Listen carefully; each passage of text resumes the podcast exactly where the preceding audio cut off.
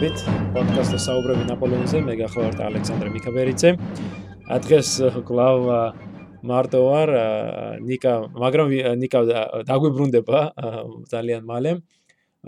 ჩვენ შევთან ხდით მე და ნიკა რომ შემდეგ პოდკასტს ერთად გავაკეთებდით და სწორედ ნაპოლეონის რეფორმებზე ვისაუბრებდით. ეს იქნება ამ რეფორმების მეორე ნაწილი ხო ა დღეს კი მინდა ვისაუბრო მარშალ მიშელ ნეიზე, ნაპოლეონის ერთ-ერთ ყველაზე გამორჩეულ და საინტერესო მარშალზე, რომელიც ალბათ ერთ-ერთი ყველაზე სახელგანთმული არის და ყველაზე პოპულარულია ნაპოლეონის მარშლებს შორის.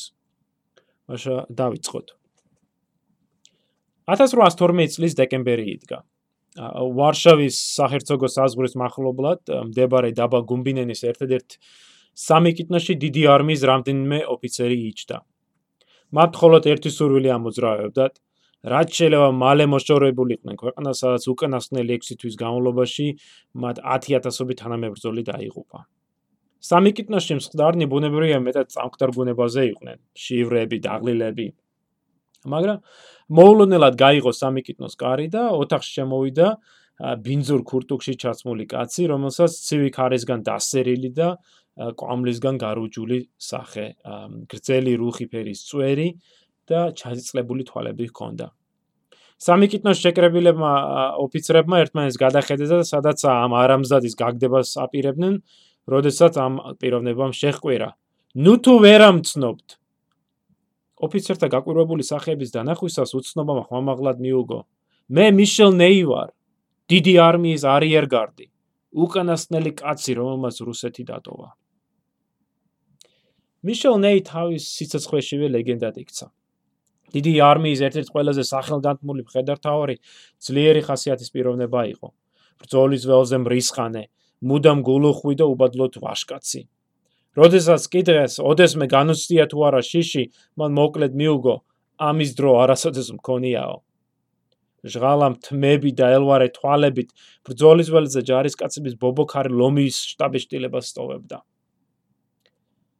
1769 წელი მეტად ناყოფიერი წელი გამოდგა, რადგან სწორედ ამ წელს დაიბადნენ ნაპოლეონ ბონაპარტი, 15 აგვისტოს, არტურ ველინგტონი, უელსლი, შემდგომში ველინგტონი 1 მაისს, ბრიტანეთის საგარეო საქმეთა მინისტრი რობერტ სტიუარტი 18 ივნისს, ეგვიპტის სახელგანთმული მართველი მუჰმედ ალი, გერმანელი მკვლევარი ალექსანდრე ჰუმბოლტი, ცნობილი მხატვარი თომას ლორენცი, ფრანგელი გენერალი ფრანსუა სევერიონ მარსო, ჟან ლანი, ნიკოლა სულტი და ასე შემდეგ.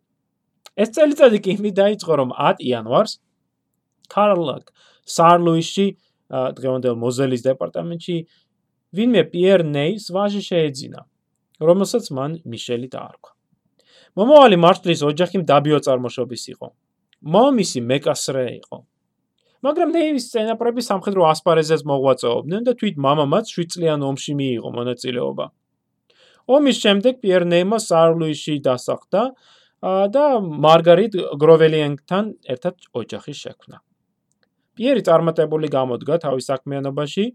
მან ძალიან მყუდრო ორსართულიანი სახლი ააშენა თავის და თავის ოჯახისთვის, რომელიც შემდგომში 4 შვილს, 3 ვაჟი, 1 გოგო, თავის შვილებისათვის ყოველ შემთხვევაში მეტნაკლებად ბედნიერი ბავშვობის უზრუნველყოფა შეძლო. სარლუიში დღესაც დგას ნეის სახლი, რომლის ნახვა თქვენ შეგეძლებათ და იმას არ წერია კიდევაც ამაყად აი ის სახლი, სადაც მარშალი ნეი დაიბადა. პიერ ნეის თავისი უმფროსი ვაჟი, ჟანი ერქვა იმას, თავისი უმფროსი ვაჟი მან საქმის გამგრძელებლად მოიგულა, ხოლო მიშელს თავდაპირველად იურისტობისათვის ამზადებდა. მიშელმა განათლება მიიღო ავგუსტინების კოლეჯში, თუმცა საკმაოდ მწირე განათლება იყო. და ეს რო ასე საწყისი ხო წერა კითხვის დონეზე და 13 წლის ასაკში დაიწყო მუშაობა ადგილობრივი ნოტარიუსის კანტორაში, რაღაც ოფისი იყო. 2 წლის შემდეგ დაიწყო მან 2 წლის შემდეგ მამამისმა კიდევ უფრო სარფიანი თანამდებობა მოუპოვა სარლუისში მეფის პროკურორის მდივნობა გაუჩალეჭა. ასე რომ ვთქვათ. მაგრამ ყვაწმილს ყოველდღიური რუტინა მალევე მოსწყინდა, ხოლო ომის შესახებ მამამის მოგონე მამამისის მოგონებებმა მართლაც რომ ამ სამხედრო საქმისადმი ინტერესი გაუღვივა. 1784 წლის შემოდგომაზე ნეიმ თავი მიანება ამ იურიდიულ საქმიანობას და აპენვეილერის რკინის მაღაროებში დაიწყო მუშაობა.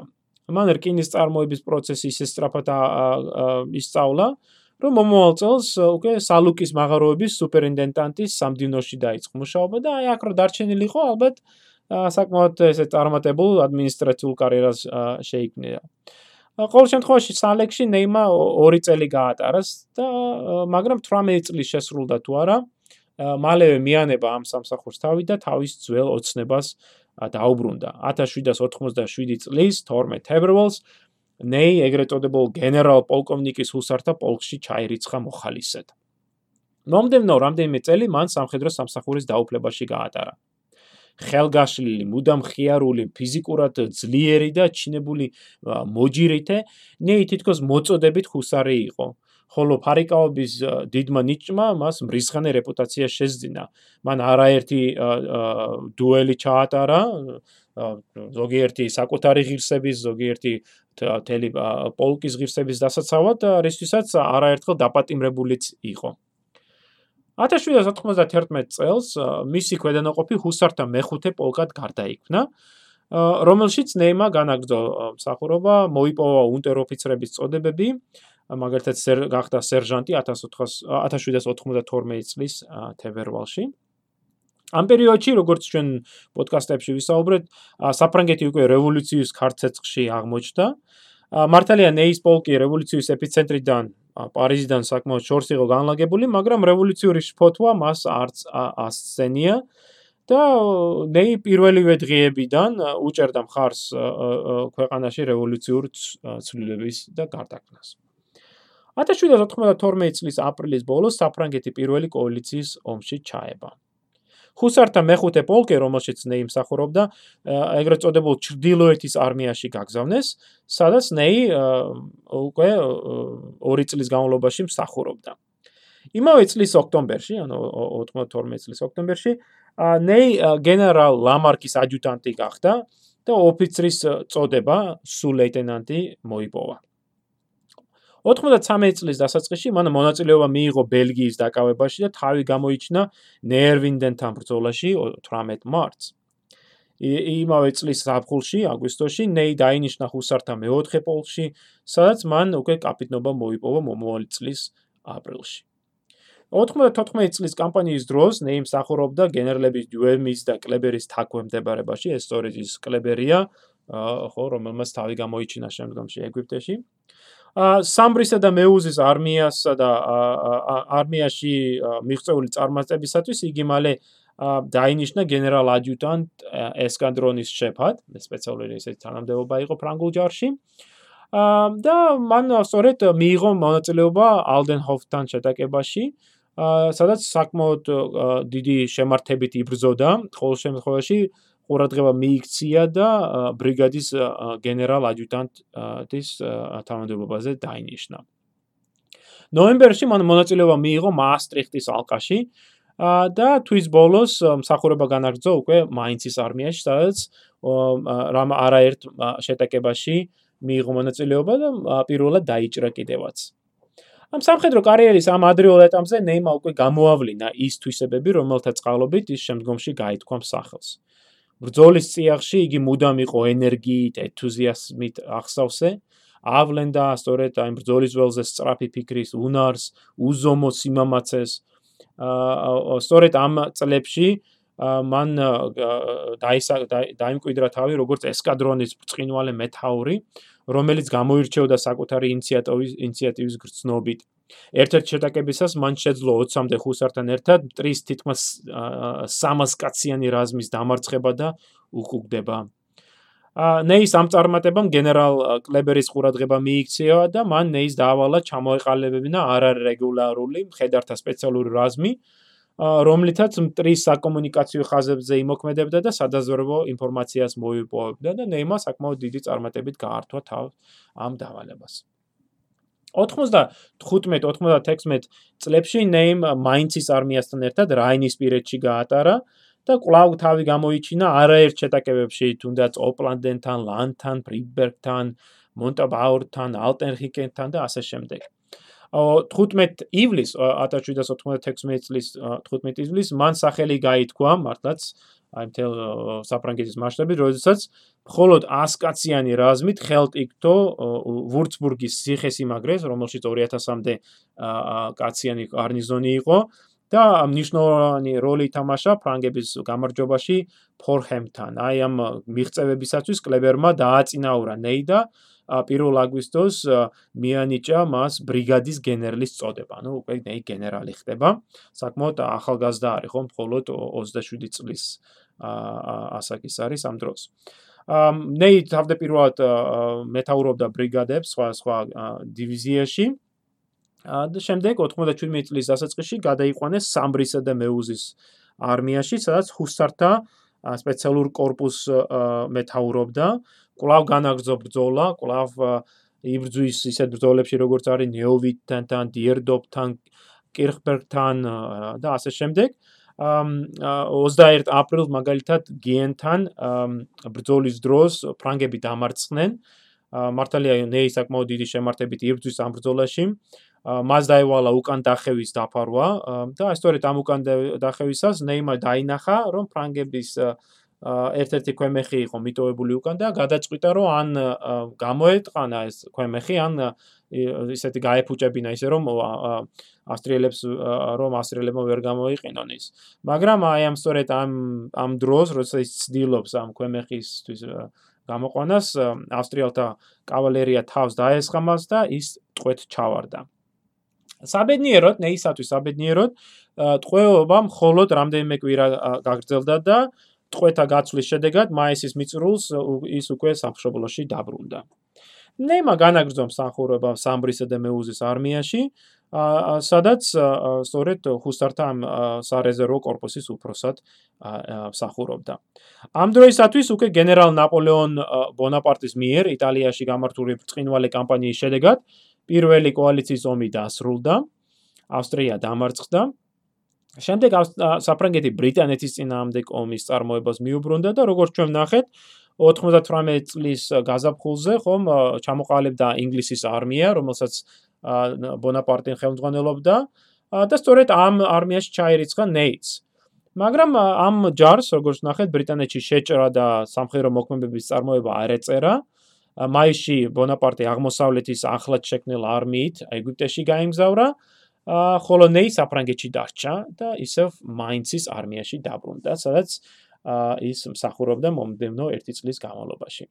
სწორედ აქ აქ ყოფნისას მან მონაწილეობა მიიღო ახლად გაჩაღებულ მეორე კოალიციის ომში და თავი გამოიჩინა მანჰეიმის ციხესიმაგრესთან. მანჰეიმს მნიშვნელოვანი სტრატეგიული პოზიცია ეკავა და ფრანგულ ჯარს მდინარე რაინზე გადასვლას უბრკოლებდა. მაგრამ ადგილობრივი მოსახლესაგან ნეიმა შეიტყო რომ ავსტრიელთა გარნიზონის დიდი ნაწილი თურმე განლაგებული იყო ციხისიმაგრეს გარეთ მაიჰემის ირგვლივ მდებარე სოფლებში. ხოლო თვითონ ციხისიმაგრე შედარებით დაუცველი ყოფილა.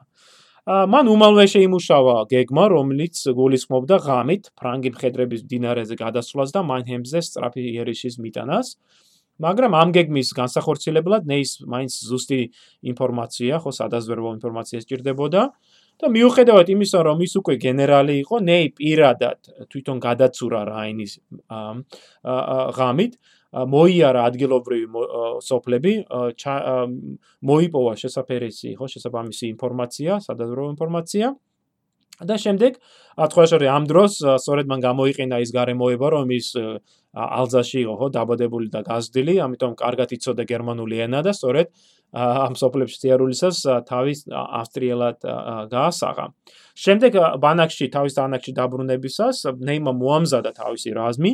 მომდევნო ღამით კლავ გადაცურა რაიმი უკვე ამ რაზმთან ერთად და სწრაფი იერიშით აიღო მაინჰემის ციხისიმაგრე და შემდეგ აი ამ სიბნელეში ამ თავზე ხო თავზარ დაწემულ ავსტრიელებს აიძულა სრული კაპიტულაცია და რის შედეგად რამდენიმე ათასი ადამიანი თქვეთ აიყვანა. სწორედ აი ამ მართლაც საოცარი მიღწევით მიღწევისათვის ნეი დაჯილდოვდა დივიზიის გენერლის წოდებით. 1799 წლის მაისში ნეი დაინიშნა ჰელვეციაში არმიის მსუბუქი კავალერიის მეტაურად ჰელვეცია როგორც მოგეხსენებათ იყო სწორედ შვეიცარიის სახელწოდება ხომ ეს რევოლუციონერებმა ესე უწოდეს მას. და მან მიიღო კლავ ახალ სამხედრო მოქმედებებში თავი გამოიჩინა ბრაუნფელთან, ალტიკონსა, ვინტერლთურთან ბრძოლებში, სადაც დაიჭრა არაერთხელ და რის გამოც იძულებული იყო კიდევაც დაეტოვებინა დროებით ჯარი. თითქმის ორთვიანი მკურნალობის შემდეგ ნეი დაბრუნდა სამხედრო სამსახურში და 18 ივლისს დაინიშნა ახლად გაერთიანებული ჰელვეციისა და დუნაის არმიების დივიზიის ერთ-ერთი დივიზიის უფროსად.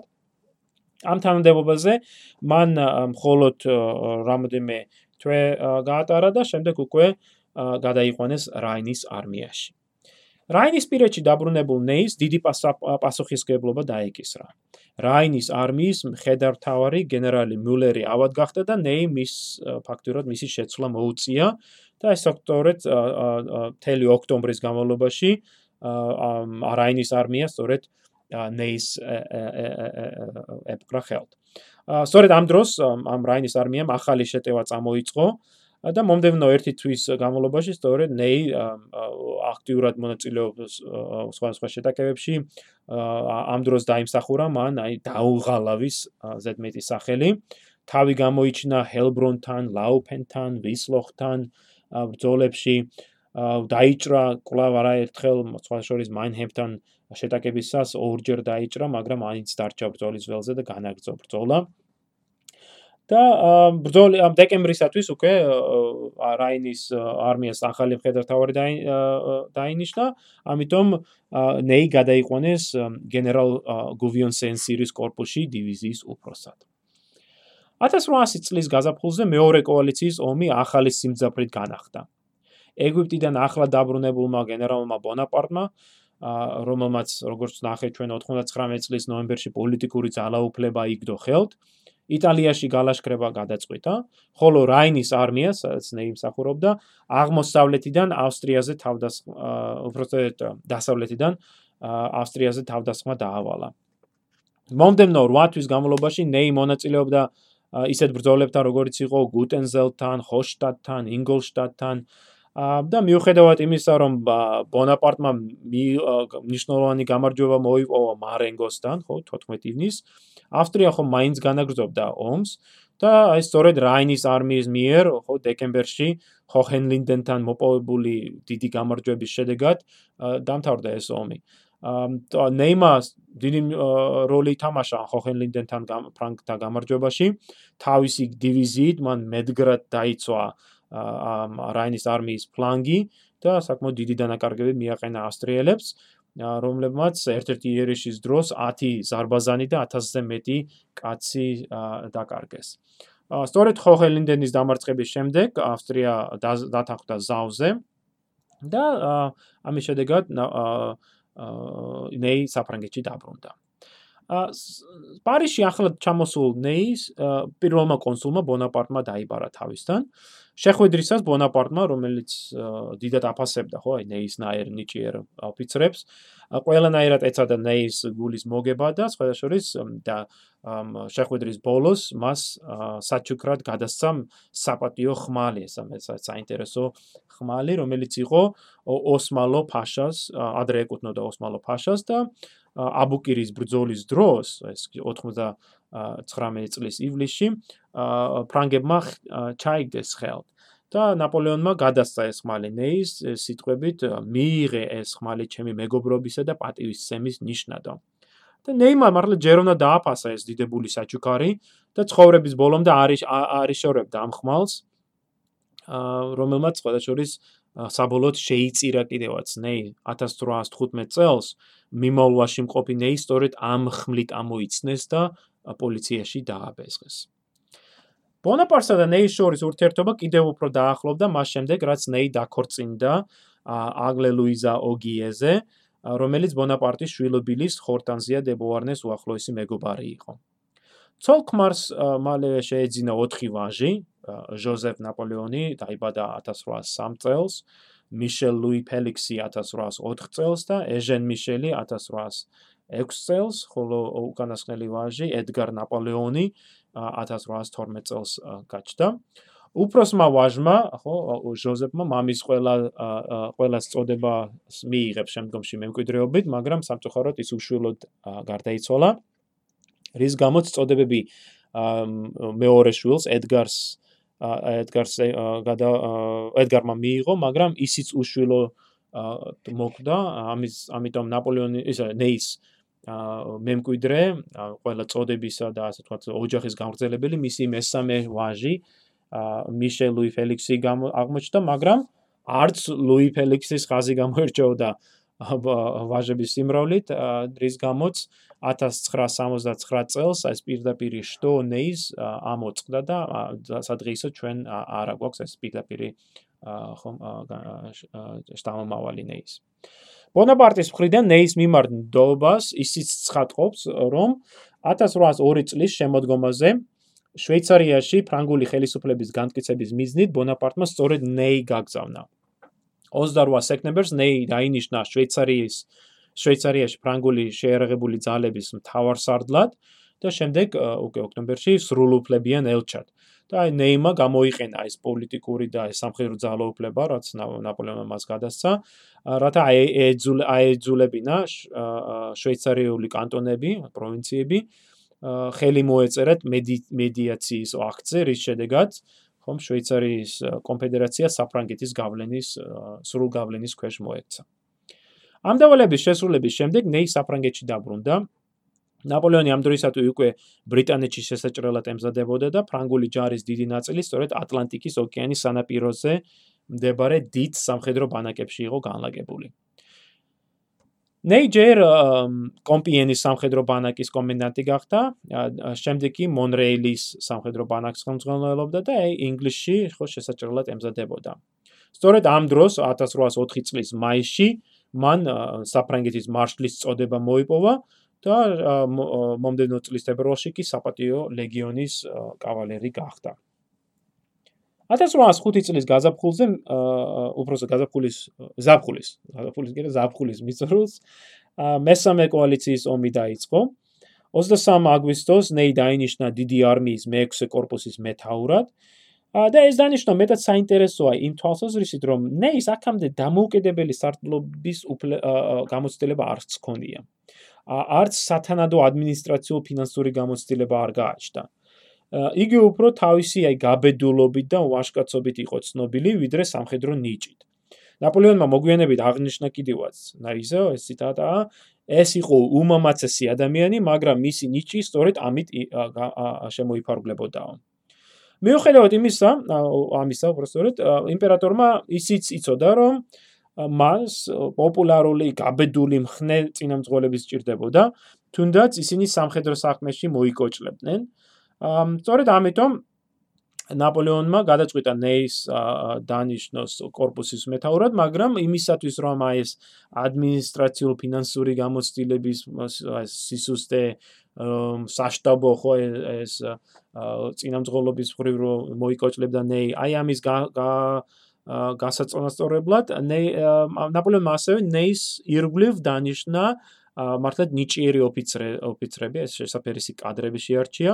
მათ შორის იყო სახელგანთმული შემდგომში სახელგანთმული სამხედრო თეორეტიკოსი ანრი ჟომინი რომელიც აი ამ დროს დაინიშნა ნეის შტაბის უფროსად და მომდევნო წლების განმავლობაში 1813 წლამდე სწორედ ჟომინი ხელმძღვანელობს ნეის შტაბს და აი ადმინისტრაციულ და ფინანსურ საკითხებს სწორედ ის აგვარებს. ანუ ამით ნეის ხო ცოტა ხელები გაიხსნა, რათა უფრო აი წინამძღოლობაზე და ბრძოლის ველზე ხო საქმიანობაზე გადაიქონოდა აქცენტი.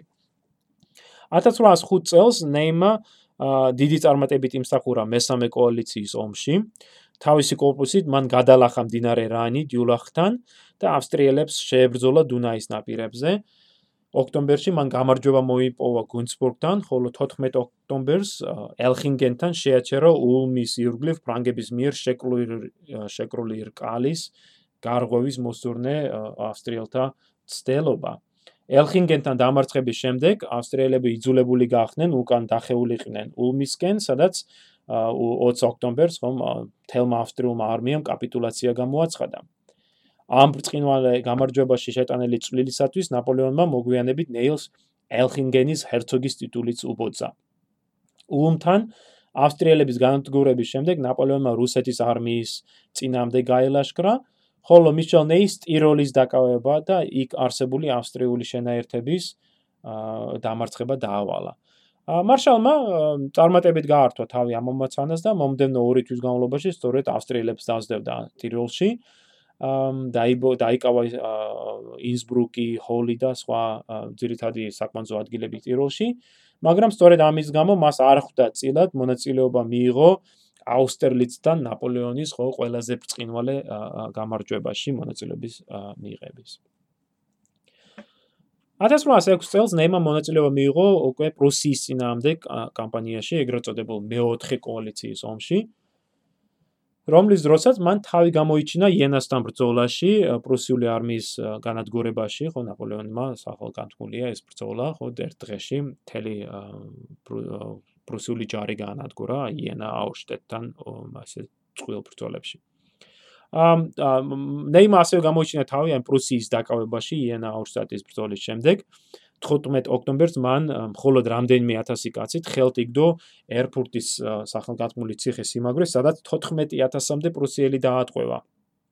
ხოლო 8 ნოემბერს ქალაქ მაგდებურგზე გაბედული იერიშის შედეგად ნეიმა ხელთ ჩაიგდო არა მარტო თვითონ ციხე სიმაგრე, არამედ 23000 პრუსიელი დაატყვევა.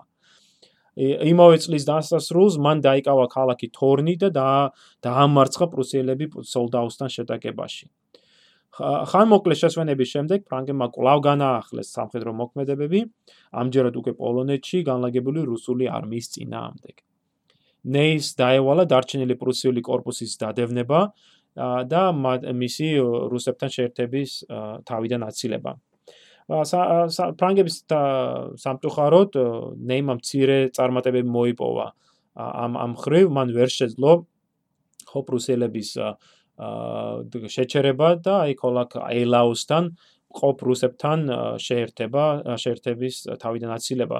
როგორც ვიცით, 8 თებერვალს აილაუსთან ბრძოლის დროს რუსულმა ჯარმა შეძლო ფრანგული შეტევების შეჩერება და აი ნაპოლეონის დიდი იმედი ჰქონდა იმისა, რომ ნეი მოვიდოდა დროზე, ხომ და პრუსების მარჯვენა ფრანგს შეუტევდა, მაგრამ ამის ნაცვლად აა პრუსიელებმა შეძლეს ნეის თავგზის აბნევა და ისტორიეთ პრუსიელები მოვიდნენ თავდაპირველად რითაც რუსები გადაარჩინეს ხო განადგურებისაგან. ნეიმა მხოლოდ ბრძოლის დასასრულს ჩააღწია ბრძოლის ველზე. უკანას შემდგომში უკვე გაზაფხულის ხო გაზაფხულზე ორივე მხარე შესვენების შემდეგ კლავ წამოიწყო სამხედრო მოქმედებები და ეს გაზაფხულის კამპანია 1807 წლის კამპანია უკვე გვირგვინდება ფრიდლანდთან გადამწყვეტი ბრძოლით, სადაც ნეი ფრანგული ჯარის მარჯვენა ფლანგს მეთაურობდა და რუსული ჯარის დამარცხებაში საკმაოდ დიდი როლი ითამაშა. ფრიდლანდთან მარცხის შემდეგ რუსეთის იმპერატორი ალექსანდრე იძულებული გახდა დაზავებოდა ნაპოლეონს, რითაც აი ეს მეოთხე კოალიციის ომიც დასრულდა. აი უკანასკნელი 3 წლის, აი 1805-6-7 წლის განმავლობაში ნეისმიერ გამოჩენილი თავდადების და მიღწეული წარმატებების აღსანიშნავად ნაპოლეონმა მას პოლონეთში და გერმანიაში დიდი მამულები უბოძა, მაღალი სახელმწიფო პენსიას დაუნიშნა. ნეის ყველაზე ნეის კი ალბათ ყველაზე მეტად არის დასვენებთა და ოჯახთან ცხოვრება სურდა. აა მან დაბა შატოტენთან იყიდა პატარა მამული, სახელად კუდრო, სადაც ოჯახთან ერთად თავისუფალ დროს ატარებდა. აა სწორედ ამ დროს შეეძინა ხო 1806 წელს შეეძინა მას ახალი ვაჟი. აა ნეი არასდროს ყოფილა სხვა მარშლებივით მდიდარი. აა ნახა აშკარა არის ზოგიერთი ამ მარშლებიდან აწარშვა გლეჯვით შეიძინა ეს ეს ქონება. აა და აი ნეი ხშირად მას ხშირად უთქვამს კიდევაც რომ სინდრისტესგან აა არის სწრაფო და რომ მას ასე უბრალოდ ცხოვრება სურდა, მაგრამ აი ამ ახლა შეძენილ მამულში ისიც უნდა ვთქვა, რომ ის ხელგაშლო გაშლა ცხოვრობ ცხოვრობდა და მართლაც აი ოჯახური იდილიით ტკბებოდა. აა სამწუხაროდ ეს იდილია საკმაოდ ცირე ხანს გასტანა, ხო? 1808 წლის შემოდგომაზე ნეის კლავ ომისათვის ბრძადება მოუწია. სწორედ ამ დროს ნაპოლეონმა უბრძანა ნეის გადაეყვანა თავისი მე-6 корпуსი გერმანიიდან ესპანეთში. რაინისპირეთიდან პირენეებამდე სვლელობა ერთის მხრივ ტრიუმფალური გამოდგა, რადგან ეიენის, იეილაუს, ვაიმ, ფრიდლანდის ვეტერანებს ყოველ ფრანგულ ქალაქსა და სოფელში ზარზე იმითხვდებოდნენ, მაგრამ აი პირენეებში წასვლა დღევანდელი გადასახედიდან აშკარა შეცდომა იყო ხო ნაპოლეონის და განსაკუთრებით თუ ჩვენ ამას ნეითან მიმართებით ვიტყვით, ნეის გაგზავნა ესპანეთში მართლაც შეცდომა იყო. რატომ ახლა? იმიტომ რომ 1805-6 წლებში ნეის წარმატებებზე საუბრისას ასევე უნდა აღვნიშნოთ, რომ მან არაერთი მნიშვნელოვანი შეცდომაც დაუშვა. თუნდაც აი ეს ელხინგენის ბრძოლა, ხო, 1805 წელს, რომელიც ჩვენ აღვნიშნეთ, სადაც ფრანგებმა შეძლეს ხომ აი ულუმთან განლაგებული ავსტრიული ჯარის ირგვლივ კალის შეკრა. აი ამ ელხინგენის ბრძოლისას ნეიმამ დინარის ნაპირზე ეულა დატოვა მხოლოდ ერთი ფრანგული დივიზია, რომელსაც თავს დაესხა რიცხობრივად უპრეტესი ავსტრიული ჯარი და საკმაოდ დიდი ზიანი მიეყენა მას. სხვა შორის აიყო ეს მომენტი, როდესაც ავსტრიელებს შეეძლოთ გარღვევა ამ რკალიდან. მართალია ბრძოლა საბოლოოდ ფრანგების გამარჯვებით დასრულდა, მაგრამ აი ნეის გადაწყვეტილება ფრანგებისათვის საკმაოდ სავალელო შედეგების მომტანი შეიძლება ყოფილიყო. ნეის აქციელი ამ შემთხვევაში იმითაც არის საყურადღებო რომ ეს გადაწყვეტილება მან მარშალ მიურატის გამომიიღო, სწორედ მიურატმა მოითხოვა ნეის სამი დივიზიიდან ორის უკან დახევა და მიუხედავად იმისა რომ ნეი თავდაპირველად შეეწინააღმდეგა ამ მოთხოვნას და უსაბუთებდა მიურატს რომ არ იყო ეს მართებული და რომ ამას შეიძლება პრობლემები შეექმნა, საბოლოოდ დათანხმდა. აა მიუხედავად იმისა, რომ აი მიზან შეუწონლად მიიჩნია ეს.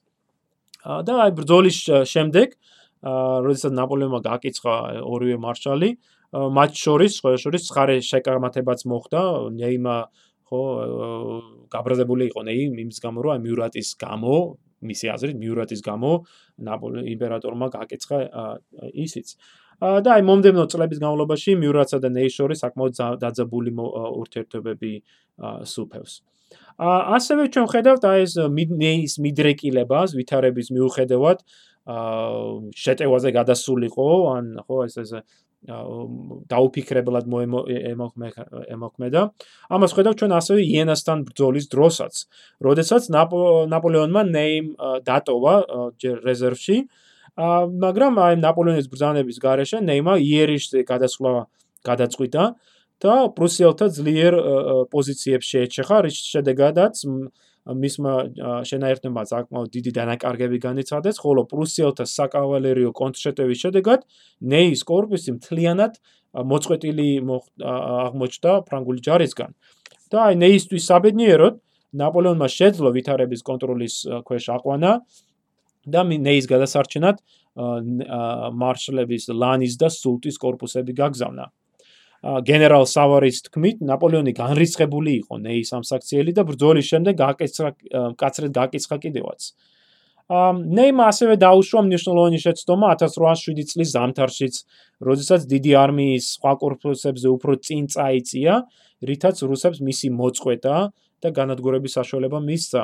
სხვა შორის ბენინგსენი, რომელიც ამ დროს სწორედ რუსებს ხედართავრობს, ბენინგსენმა წამოიწყო კიდევაც ეს ოპერაცია, ეს მანევრი, რათა ნეი ნეიზე მიეტანა იერიში, მაგრამ ნეისთვის საბედნიეროდ რუსული რუსი მთავარსარდლის ბრძანების ერთ-ერთი ასლი ფრანგებს ჩაუვარდათ ხელს და ნეილმა შეძლო корпуსის დროულად უკან დახევა.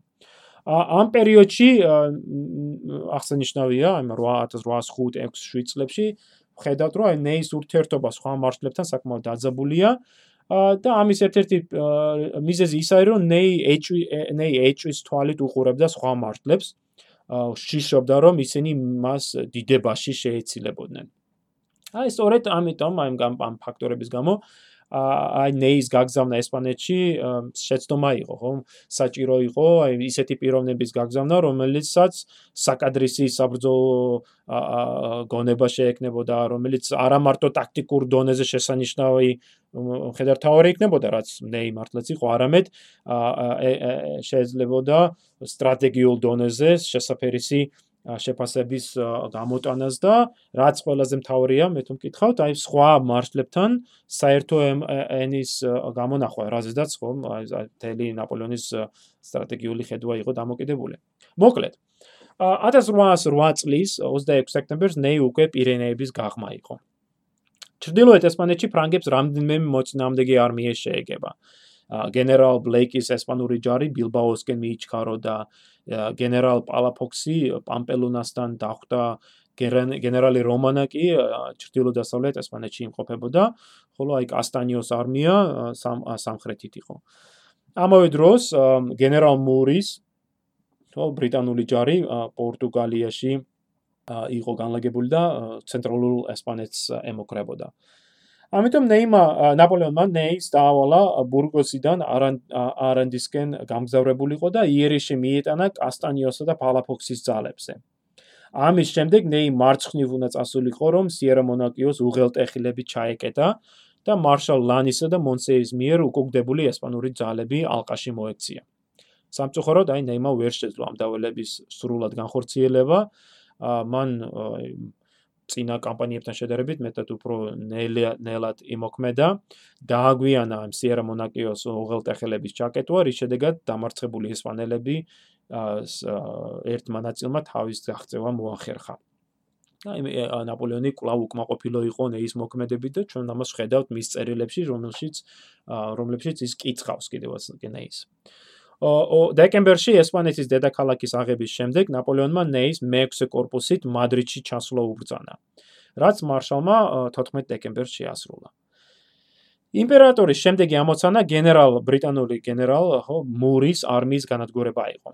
მურმა დროულად შეიტყო ესპანელთა დამარცხების შესახებ და თავის არმიას ჩრდილოეთ დასავლეთ ესპანეთისაკენ გაუძღვა ნაპოლეონმა მას სულტისა და ნეის корпуსები დაადევნა, მაგრამ ბრიტანელებმა შეძლეს ლაკორონიასთან ჩასვლა და ბრიტანული ფლოტის მეშვეობით სამშობლოში დაბრუნება. თუმცა მური თვითონ ნახო დაიღუპა აი ლაკორონიასთან შეტაკების დროს. ბრიტანელთა წარმატება გარკვეულწილად ნეისსა და სულტ შორის უთანხმოების შედეგი იყო. ნეის ზულდა სულტი მას შემდეგ რაც აი როგორც აღვნიშნე იენასთან ბრძოლის დროს ხო 1806 წელს სულტმა გარშემორტყმული ნეი იხსნა და მათი ურთიერთობა კიდევ უფრო გამწვავდა ესპანეთში ვინაიდან აი ამ მომენტში როდესაც ნაპოლეონმა გაგზავნა ისინი ბრიტანელების ძინაამდე მარშალ ნეი აღმოჩნდა სულტის დაქვემდებარებაში და აი ეს მან ვერ აიტანა. ბრიტანელთა განდევნის შემდეგ სულტის корпуსმა ჩრდილო პორტუგალიაში გაილაშქრა, ხოლო ნეი ჩრდილო-დასავლეთ ესპანეთში მდებარე გალიციის პროვინციის დაკავება დაევალა. 1809 წლის იანვარში იგი გალიციის პროვინციის გუბერნატორად, სამხედრო გუბერნატორად დაინიშნა და გალიციაში ფრანგული ხელისუფლების დამკვიდრებას შეუდგო. შეუდგა. ასეთი საფასუხისგებლო მოვალეობის მიუხედავად, ნეის ზულდა ეს ყოველდღიური ადმინისტრაციული რუტინა და რაც თავია აი პორტუგალიოში ყოფის სულტისათვის ხარდაჭერის აღმოჩენა. ესპანური ომის ამ ეტაპზე ნეის ზირითადი მოწინააღმდეგე ესპანელი გენერალი რომანია იყო. მართალია ნეი წარმატებით შეებრძოლა რომანიას, მაგრამ 1809 წლის გაზაფხულზე პორტუგალიაში ბრიტანული ჯარი ჩავიდა და ამან მნიშვნელოვნად შეცვალა სტრატეგიული ვითარება. ამ ბრიტანულ ჯარს ხელმძღვანელობდა სახელგანთმული გენერალი არტურ უელსლი, ხო შემდგომში უელინგტონის ჰერცოგი და უელსლიმ შეძლო სულტის დამარცხება ოპორტოსთან ბრძოლაში, რის შედეგადაც ბრიტანელები დაეუფლნენ პორტუგალიის დიდ ნაწილს და აი ცენტრალურ ესპანეთსაც შეუქმნეს საფრთხე. სულტმა დაუყოვნებლივ ითხოვა დახმარება ნეისგან, აა და ნეის მოუწია აი თავისი корпуსისათვის მომარაგებული სურსათის და შეარაღების ნაწილის გაგზავნა. რითაც ის ბუნებრივია მეტად უკმაყოფილო იყო და აი ორ მარშალს შორის ურთიერთობა კიდევ უფრო გამწვავდა. მით უმეტეს აი ამ მომენტში ნაპოლეონმა გამოუგზავნა ბრძანება ორთავეს, რათა ერთობლივად წამოეწყოთ სამხედრო ოპერაციები კამპანია ბრიტანელების წინააღმდეგ. აა და ბუნებრივია ეს მარშლები რომ მუდმივი ამ ქიშბობის დაპირისპირების ფონზე ვერ შეძლებს ვერ შეძლეს ამ ამ კოორდინაციის ხო მიღწევა და მათი სამხედრო კამპანია დამარცხებით დასრულდა რის გამოც ბრიტანელებმა შეძლეს პორტუგალიაში საკუთარი პოზიციების გამაგრება. ესპანეთის ჩრდილო-დასავლეთში მყოფი ნეის მდგომარეობაც ამ ამ პერიოდში გაუარესდა. ბრიტანულ ფლოტს მთელი სანაპირო ჰქონდა ჩაკეტილი. ბრიტანელების ჯარი თვითონ პორტუგალიაში იყო განლაგებული და ესპანელთა პარტიზანები, ხო, გვერილისები მას დიდ ზიანს აყენებდნენ თვითონ ხო პროვინციაში, ესპანულ ხო სოფლებში და ასე შემდეგ. ამიტომ შეიქმნა ეს საშიშროება, რომ ნეის корпуსი დანარჩენ ძალებს მოსწყდებოდა. აა ამის თავიდან ასარიდებლად 1809 წლის ზაფხულის ზაფხულში ნეიმა დატოვა გალიცია და ლეონის პროვინციაში გადავიდა, სადაც ქალაქ სალამანკასთან განალაგა თავისი корпуსი.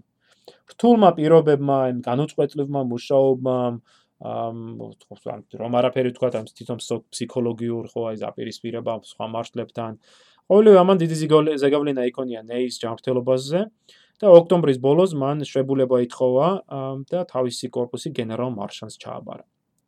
პარიზში ჩასულმა ნეიმ ოჯახთან ერთად რამოდენიმე დღე გაატარა და სამწუხაროდ სწორედ ამ დროს მან მიიღო მეტად შემაშფოთებელი ამბები ესპანეთიდან მარშანმა, ხო, მისმა შემცვლელმა ესპანელი წინა პარტიზანების წინააღმდეგ რამდენიმე სამხედრო ოპერაცია ჩაატარა და საკმაოდ დიდი დანაკარგები განიცადა. აა და ამ წარუმატებლობის ამბავი თვით იმპერატორის ხურებამდე მივიდა და ნეიმა ეს ნაპოლეონმა დაუყოვნებლივ უბრძანა ნეის დაბრუნებული იყო ესპანეთში და 8 ნოემბერს მარშალი უკვე სალამანკაში ესპანეთში იყო 1809 წლის მიწრული და 1810 წლის ადრეული გაზაფხული შედარებით წყნარი გამოდგა.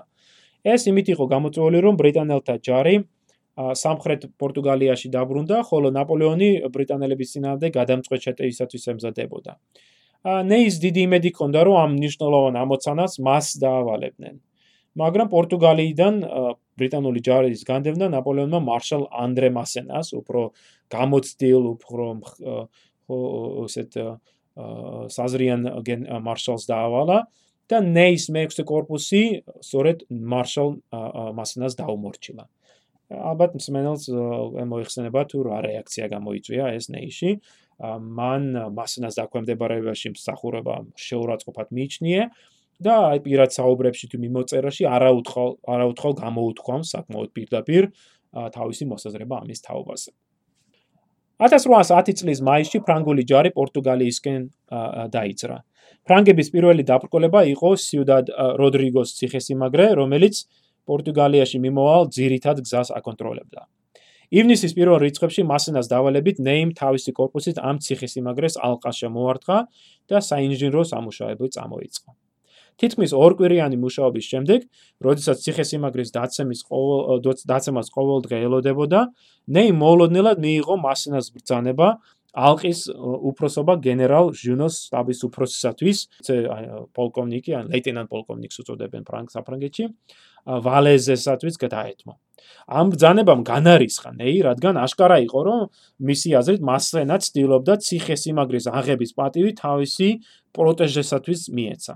ნეი პირადად შეხვდა ვალაზეს და უკმეხად განუცხადა, რომ მასენა მიუხედავად ტიტულისა, ნეის მხოლოდ ჰერცოგის ტიტული ჰქონდა, ხო? ხოლო მასენა პრინცი იყო.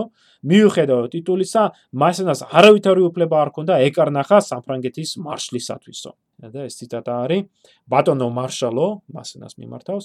ბატონო მარშალო, მე გახლავართ ჰერცოგი და იმპერიის მარშალი. ისევე როგორც თქვენ. მართალია თქვენ ესლინგის პრინცის პრინცის ტიტულს ფლობთ, მაგრამ ტიურელის სასახლის გარეთ მას არავითარი ძალა არ აქვს.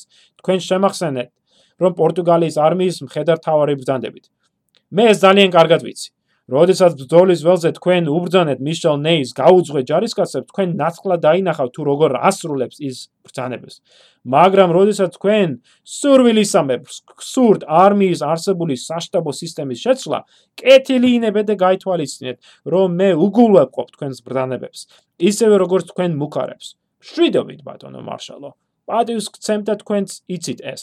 მაშ რა ეშმაკმა მოგანდომა ჩვენ შორის შუღლის ჩამოგდებაო. ბოლოს და ბოლოს რომ რატომ გონია რომ თქვენმა ცეროდენა ოფიცერმა უკეთ იცის ხუმბარების ხორცნა ვიდრე ჩემმა ბებერმა ვეტერანმაო. შეგვიძლია წარმოვიდგინოთ თუ რა რეაქცია გამოიწვია მასენაში ამ წერილის წაკითხვა. მასენამ სხვა შორის ნაპოლეონთან მიწერა წერილი აა სწორედ ნეისზე ჩივილით ჟუნოსთან გენერალ ჟუნოსთან საუბრისას მასენამ თქვა ამ კაცთან ნეითან მუშაობა შეუძლებელია. მე მასენა არ მეხვას და დამლახროს ეშმაკმა თუ მარშალი ნეი ჩემს წინაშე მუხმოდრეკილი არ ვიხილო მასენა დაუყოვნებლივ გაიმგზავრა ციხემის სიმაგრეს კენ სადაც ნეისთან ძალიან მწვავე კამათი მოვიდა მასენა მას მისცა ესეთი კაფიო არჩევანი ან დათანხმებულიყო ამ ამ ვალეზისათვის ალკეს ჩაბარებაზე ან დაუყოვნებლივ გაითავისუფლება თანამდებობა და წასულიყო სახში. და აი საბოლოოდ ნეი იძულებულიყო იძულებულიყო დამორჩილებოდა მასენას. 9 ივლისს ერთვიანი ალყის შემდეგ სიუსად როდრიგოს ციხესიმაგრე დაეცა. მასენამ განაგრძო პორტუგალიაში მსვლელობა და ნეის მექსე კორპუსით ალმეიდას ციხესიმაგრეს არყა შემორტმა დაავალა. ამჯერად უკვე მასენამ პირადი ხელმძღვანელობა აიღო თავის თავზე და ნეის მაქსიმალურად მცირე წვლილი შეატანინა. ალმეიდა 28 აგვისტოს დაეცა და ფრანგები პორტუგალიაშიც შეიჭრნენ. დაბო ბუსაკოსთან მათ გენერალ ველინგტონ ველინგტონის პორტუგალიურ ბრიტანიული ჯარი დახვდა. ორივე მხარე ბრძოლისათვის მოემზადა. ა მაგრამ ბრძოლის წინ მასენასა და ნეის შორის კლავ ეს შეტაკება მოხდა, ეს შუღლი ჩამოვარდა. დილით მოხდა ეს შეტაკება და ნეიმა მართლაც შეუტია თავისი ჩეული შემართებით და მან დიდი დანაკარგები განიცადა, რაც ნეის აზრით გამოწვეული იყო აი მასენას სურვილით, რომ დაესუსტებინა ნეის корпуსი. საბოლოო ჯამში ბუსაკოს ბრძოლა ფაქტურად ფრანგების დამარცხებით დასრულდა, ვიდრე მათ ვერ შეძლეს ბრეტონული პოზიციების აღება. ა მიუხედავად ამისა, ველინგტონმა უკან დახევა არ ჩია და ამიტომ მასენამ შეძლო კლავ დადევნება. სამხრეთ პორტუგალიაში ჩასულ ფრანგებს ახალი მეტად განსხვავებული ვითარება დახვდათ. ველინგტონმა სამხრეთ პორტუგალიაში საერთო მობილიზაცია განაცხადა. სამხედრო სამსახურში გაიწვია ყველა მამაკაცი 20-დან 60 წლამდე. მისი ველინგტონის ბრძანები დაინგრა ყველა გზა, რომლითაც ფრანგთა არმიას შეელო გადაადგილება და თელ რეგიონი მართლაც რა ძირფესვიანად განადგურდა, სოფლები გადაიწვა, სურსაცანოვაგე აა განადგურდა. და აი ამ აგრეთ წოდებული გადამწვარი მიწის პრინციპის გამოყენებით ბრიტანელებმა აი ამ განადგურებულ რეგიონში ფრანგების ფრანგებს დარჩენის საშუალება მოუსწეს.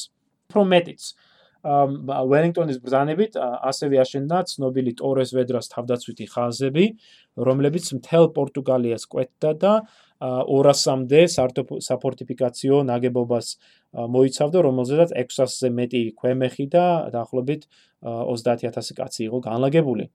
ა ბუნებრივია მასენამ, როდესაც ის აი ტორეს ვედრას ხაზებზე ხაზებამდე ჩააღწია 1810 წლის ოქტომბერს, ბუნებრივია მან ვერ შეძლო ამ ამ საფორტიფიკაციო ხაზის გარღვევა. მომდენო რამოდენიმე თვის განმავლობაში მასენამ რამოდენიმე შეტევა წამოიწყო ამ საფორტიფიკაციო ხაზზე, მაგრამ ეს შეტეკებები წარუმატებლად დასრულდა.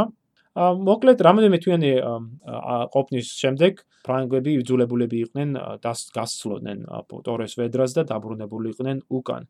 აი ამ უკან დახევას სწორედ ნეის დასუსტებული корпуსი იცავ ფარავდა, სწორედ არიერგარდის ფუნქციას ასრულებდა და მან შეძლო რამოდენიმე ადგილას ბრიტანელებთან საკმაოდ წარმატებით შეტაკებების ჩატარება, რითაც ამ დარჩენი მასენას ჯარის გადარჩენა მოხდა. მაგრამ საბოლოო შედეგად ყოველ შემთხვევაში ნეის აზრით მასენომ არ დაუფასა ეს და 23 მარტს ესპანეთში დაბრუნებულის შემდეგ მასენამ გადააყენა ნეი და უბრძანა დაბრუნებულიყო მადრიდში, სადაც იმპერატორის შემდგომ განკანკურებას უნდა დალოდებოდა. ეს ესეთ ამახ პატიმოყარე და ესეთ ძლიერ პიროვნება როგორც ნე იყო ეს ბუნებრივია აი მართლაც რომ აუტანელი გადაწყვეტილება იყო. ნაპოლეონის კარგად უწყოდა აი ნეის ხასიათის სირთულეს შემდგომში ნაპოლეონმა თქვა კიდევაც ეს ციტატა არავინ იცის რა რთული იყო ნეის მსგავს ადამიანთან ურთიერთობაა იმპერატორს კარგად ესმოდა, რომ ნეის აქციელი მიუტევებელი იყო, აი მისი შუღლი ხო აი მასენასთან, მაგრამ ისიც იცოდა, რომ მას არ შეეძლო ნეის მსგავსი გამოცდილი და პოპულარული მხედართავარი უსაკმო დაეტოვებინა. ამავე დროს ესპანეთში ნეის დატოვება შეუძლებელი იყო, რადგან ის მასენასთან შეურაცხყოფილი გრძნობდა თავს და არც სხვა მართლებთან ჰქონდა კარგი ურთიერთობა. ამიტომ ნაპოლეონმა თავდაპირველად კაცრად განკიცხა ნეი, უბრძანა დაბრუნებულიყო სახში და შემდეგ რამდენიმე თვიანი დასვენების შემდეგ ნაპოლეონმა უბრძანა ნეის გამოცხადებულიყო ბულონის სამხედრო ბანაკში, სადაც მას უფროსობა ჩაადაევალა. აი, ბულონის სამხედრო ბანაკში ნეიმა გაატარა დაახლოებით 6 თვე. 1812 წლის დასაწყისში რუსეთთან ომისთვის მზადებისას ნაპოლეონმა ნეის უკვე მესა ახალი დავალება ჩააბარა, ეს იყო მესამე корпуსის უფროსობა. აა და რუსეთში გასალაშქრად წაიყვანა. რუსეთში ლაშქრობა საბედისწერო აღმოჩნდა როგორც ნაპოლეონისათვის, ასევე ნეისათვის. მარშალმა თავი გამოიჩინა არაერთ ბრძოლაში, თუნდაც კრასნისთან, სმოლენსკთან, სადაც ის სუბუქა დაიჭრა კისერში. ხოლო ბოროდინოს ბრძოლის დროს იგი პირადად გაუძღვა ხო თავის корпус რუსულ არმიაზე მარცხენა ფლანგზე განხორციელებულ რამდენიმე ძლიერ იერიშზე და გააფთრებული ბრძოლის შედეგად შეძლო ხო ეს სახელგანთმული ბაგრატიონის ფლეშების დაკავება. ბრძოლისას მან რამდენიმეჯერმა მოითხოვა ნაპოლეონისგან დამატებით ძალები და როდესაც იმპერატორისგან საბოლოო უარი მიიღო, გაღიზიანებულმა წაიყვირა კიდევაც. რას საკეთებს იმპერატორის არმიის უკანა ხაზში, თუ მას არსოს ბრძოლის უშუალოდ მართვა, მაშინ არც გენერალური ყოფილა თუ ეს ასია და უბრალოდ იმპერატორობა სურსო მაშინ დაბრუნდეს სტიორერის სასახლეში და მე და ჩემნაირებს დაგვითმოს მართვის ადავეებიო. ნეის და დავის корпуსებმა დიდი დანაკარგები განიცადეს ბოროდინოს ბრძოლაში და საბოლოოდ მაინც ვერ მოუპოვეს ნაპოლეონს აი საწადელი გადამწყვეტი გამარჯვება. ბოროდინოს შემდეგ გამოქვეყნებულ ბიულეტენში ნაპოლეონმა ქება შეასხა თავის ჯარს და ნეის წვლილსაც გაუსვა ხაზი და ყოველ შემთხვევაში აი მართლაც აი ნეიმს ამ ბრძოლაში შეტანილი წვლილის აღსანიშნავად შემდგომში მან ნაპოლეონმა მას ხომ აი მოსკოვის პრინცის ტიტულიც უბოცა. ბოროდინოს ბრძოლიდან ერთი თკვირის თავზე ფრანგული არმია უკვე მოსკოვის გარეუბნებში იყო თუმცა რუსეთის იმპერიის ყოფილი დედაქალაქის დაკავება მხოლოდ დასასრულის დასაწყისი აღმოჩნდა. სამდღიანი ხანძრის შემდეგ ქალაქის 2/3 განადგურებული იყო, ნაპოლეონის არმიას ნანგრევებში ცხოვრება მოუწია. ნაპოლეონის ცდელობას მიუხედავად, ხო, იმპერატორმა ალექსანდრე მოარე განაცხადა დაძავებაზე და 19 ოქტომბერს ნაპოლეონი იძულებული გახდა მოსკოვი დაეტოვებინა, რომ ზამთრის მოახლოებამდე რუსეთიდან თავის დახცევა მოესწრო. ასე დაიწყო ახალგანთქმული უკანა დახევა, რომლის დროსაც მარშალმა ნეიმ უკვდავი დიდებით შემოსა თავის სახელი. თავდაპირველად იგი კვლავ მესამე корпуსის მეთაური იყო, მაგრამ ქალაქ ვიაზმაში ჩასვლისას მას ახალი მოვალეობები დაეკისრა. ვიაზმასთან მომხდარი ბრძოლის დროს მარშალ დავუს корпуსმა დიდი დანაკარგი განიცადა და 3 ნოემბერს ნაპოლეონმა არიერგარდის მოვალეობა სწორედ ნეის გადააბარა. მომდევნო ორი კვირის განმავლობაში ნეი და მისი ჯარისკაცები გმირულად იცავდნენ დიდი არმიის უკან დახევას. ძლიერ ქარბუქში, ღრმა თოლში, უჭმელნი და დაღლილნი, მედგრად იბრძოდნენ დოროგობუშსა და სმოლენსკსა შორის ამ პოზიციებს. ამ დროისათვის ნეის корпуსში, რომელიც ივნისში 34000-ზე მეტ ჯარისკაცს იცვლიდა, მხოლოდ 5000-ზე ნაკლებ კაცი იყო დარჩენილი. 25-ე დივიზიამ, რომელიც ამ корпуსში იყო, ესეთი მძიმე დანაკარგები განიცადა, რომ ერთ ბატალიონად გადაკეთდა, მხოლოდ ერთ ბატალიონად. ასეთი მცირე ძალებით ნეის რუსული არმიის უმეტესი ნაწილის შეჩერება ევალებოდა. 15-17 ნოემბერს რუსულმა არმიამ ნაპოლეონს გზა გადაუჭრა დაბა კრასნისთან, ეს სმოლენსკის მახლობლად. მართალია ნაპოლეონის იმპერიულმა გვარდიამ უკუაგდო რუსული შენაერთები და გზა გახსნა ორშასკენ, ხო, დასავლეთისკენ, მაგრამ ნეის корпуსი დიდი არმიისგან მოწყვეტილი აღმოჩნდა. ნეიმ არ იცოდა ამის შესახებ. 14 ნოემბერს იგი ჩავიდა სმოლენსკში, სადაც მისი ღონებ გაცვლილ ჯარისკაცებს მხოლოდ გაპარტახებული ქალაქი დახვდა. სურსათის საცავების სრულებით გაძარცული იყო, განადგურებული ქალაქში თავშესაფარსაც კი ვერ იპოვიდა კაცი. ნეის მეუმრებმა სამი დღე ღია ცის ქვეშ ყინვაში გაატარეს. 17 ნოემბერს მარშალი დიდი არმიის კვალდაკვალ დაიძრა, მაგრამ რუსული არმიის ალყაში აღმოჩნდა. კრასნისთან ბრძოლის დროს ნაპოლეონმა მარშალ დავუს დაავალა დაეცვა სმოლენსკიდან მომავალი ძირითადი გზა, რათა ნეისათვის უკან დახევის საშუალება მიეცა. 17 ნოემბერს დილით დაუ რიცხობრივად უპირატესი რუსული ჯარის შეტევების ქვეშ მოექცა და артиლერიისა და მთელი აღალის მიტოვების ფასად ძლივს გაახტია სამშვიდობას. ბუნებრივი ამ დროს მას ნეი არ გახსენებია. კრასნისთან მოახლოებისას ნეიმ რუსული შენაერთები აღმოიჩინა, როგორც მის წინ, ასე მარცხენა ფლანგზე და ზურგში. სამხრიდან გარშემორტყმული მესამე корпуსი მთელი დღის განმავლობაში იბრძოდა რიცხობრივად უპირატესი რუსული არმიის წინააღმდეგ. საღამოს რუსებმა ნეის დანებობა შესთავაზეს, მაგრამ ნეიმა მოკლედ მიუგო. ფრანგი მარშლები არ ნებდებიანო. ბრძოლა განახდა. მაგრამ მოკლე ხანში რუსებმა კიდევ ერთი შუამავალი გამოგზავნეს და ნეის კლავ დანებობა შესთავაზეს. ამჯერად ნეიმა რუსებს თავი მოაჩვენა და დროის მოგების მიზნით მოლაპარაკებები გააყო. ამასობაში დაღამდა და რუსების მიერ დანთებული კოცონები ნახევარ კალათ აგიზგის და ნეის 300-მდე ცოცხალ დარჩენილ მეომრის იურგლევ. სასორწარკვეთილები ვიყავითო, იხსენებდა შემდგომში მეოთხე პოლკის ოფიცერი. მაგრამ მარშალი ნეი ჩვენს გვერდით იყო და ეს საკმარისი იყო ჩვენს გასამხნევებლად. მართალია ჩვენ არ ვიცოდით, რას აპირებდა ან რის გაკეთება შეეძლო მას, მაგრამ ყველამ ვიცოდით, რომ იგი უდაოდ რამეს მოიფიქრებდა. მისი რწმენა საკუთარ თავში მისი ვაშკაცობის ტოფას ტოლი იყო. რაც უფრო დიდი საფრთხის წინაშე იყო, მით უფრო ძლიერი ხდებოდა ნეისუ შეუპოვრობა. თავის წარმატებაში ეჭვი არასოდეს ეპარებოდა. ამდენად ასე რთულ ვითარებაშიც კი მის სახეს არავითარი ყოყმანი თუ წუხილი არ დასწყობია. ყოველი ჯარისკაცის მზერა მისკენ იყო მიპყრობილი, მაგრამ ვერავინ ბედავდა მისთვის შეკითხვის დასმასო. რუკის შესწავლის შემდეგ ნეიმ გადაწყვიტა გამოსავალი მოეძნა ჩრდილოეთით. სადაც მძლავრი მდინარე ნეპრი მიედინებოდა. მართალია ეს ფართო და სწრაფი მდინარე იყო, მაგრამ ნეის იმედი ჰქონდა, რომ ძლიერი ყინვის შემდეგ მდინარე ყინულით იქნებოდა დაფარული. ღამის განმავლობაში ნეის რუსებისათვის შეუმჩნელად მიატოვა თავისი პოზიციები და მდინარესკენ გაეშურა. სოფელ ციროკერენიესგან ფრანგები მდინარეს მიატნენ. მდინარე იყო დაფარული ყინულით, მაგრამ ყინული ისეთი თხელი იყო, რომ ადამიანის წონას ძლივს უძლევდა. დინარის გადაკვეთა მხოლოდ მუცელზე ხოხვით შეიძლებოდა და ბუნებრივია იმ ძიმე ხო ეტლების თუ артиლერიის გადაყვანაზე ამაზე საუბარიც არ შეიძლებოდა. შუა ამისას ნეიმ დინარეზე გადასვლის ბრძანება გასცა. მიუხედავად იმისა, რომ ბევრი მეომარი მდინარეში ჩავარდა და აიხრჩო, корпуსის დიდმა ნაწილმა მაინც შეძლო სამშვიდობოს გაღწევა. ნეი ჯერ კიდევ დიდი საფრთხის ქვეშ იყო.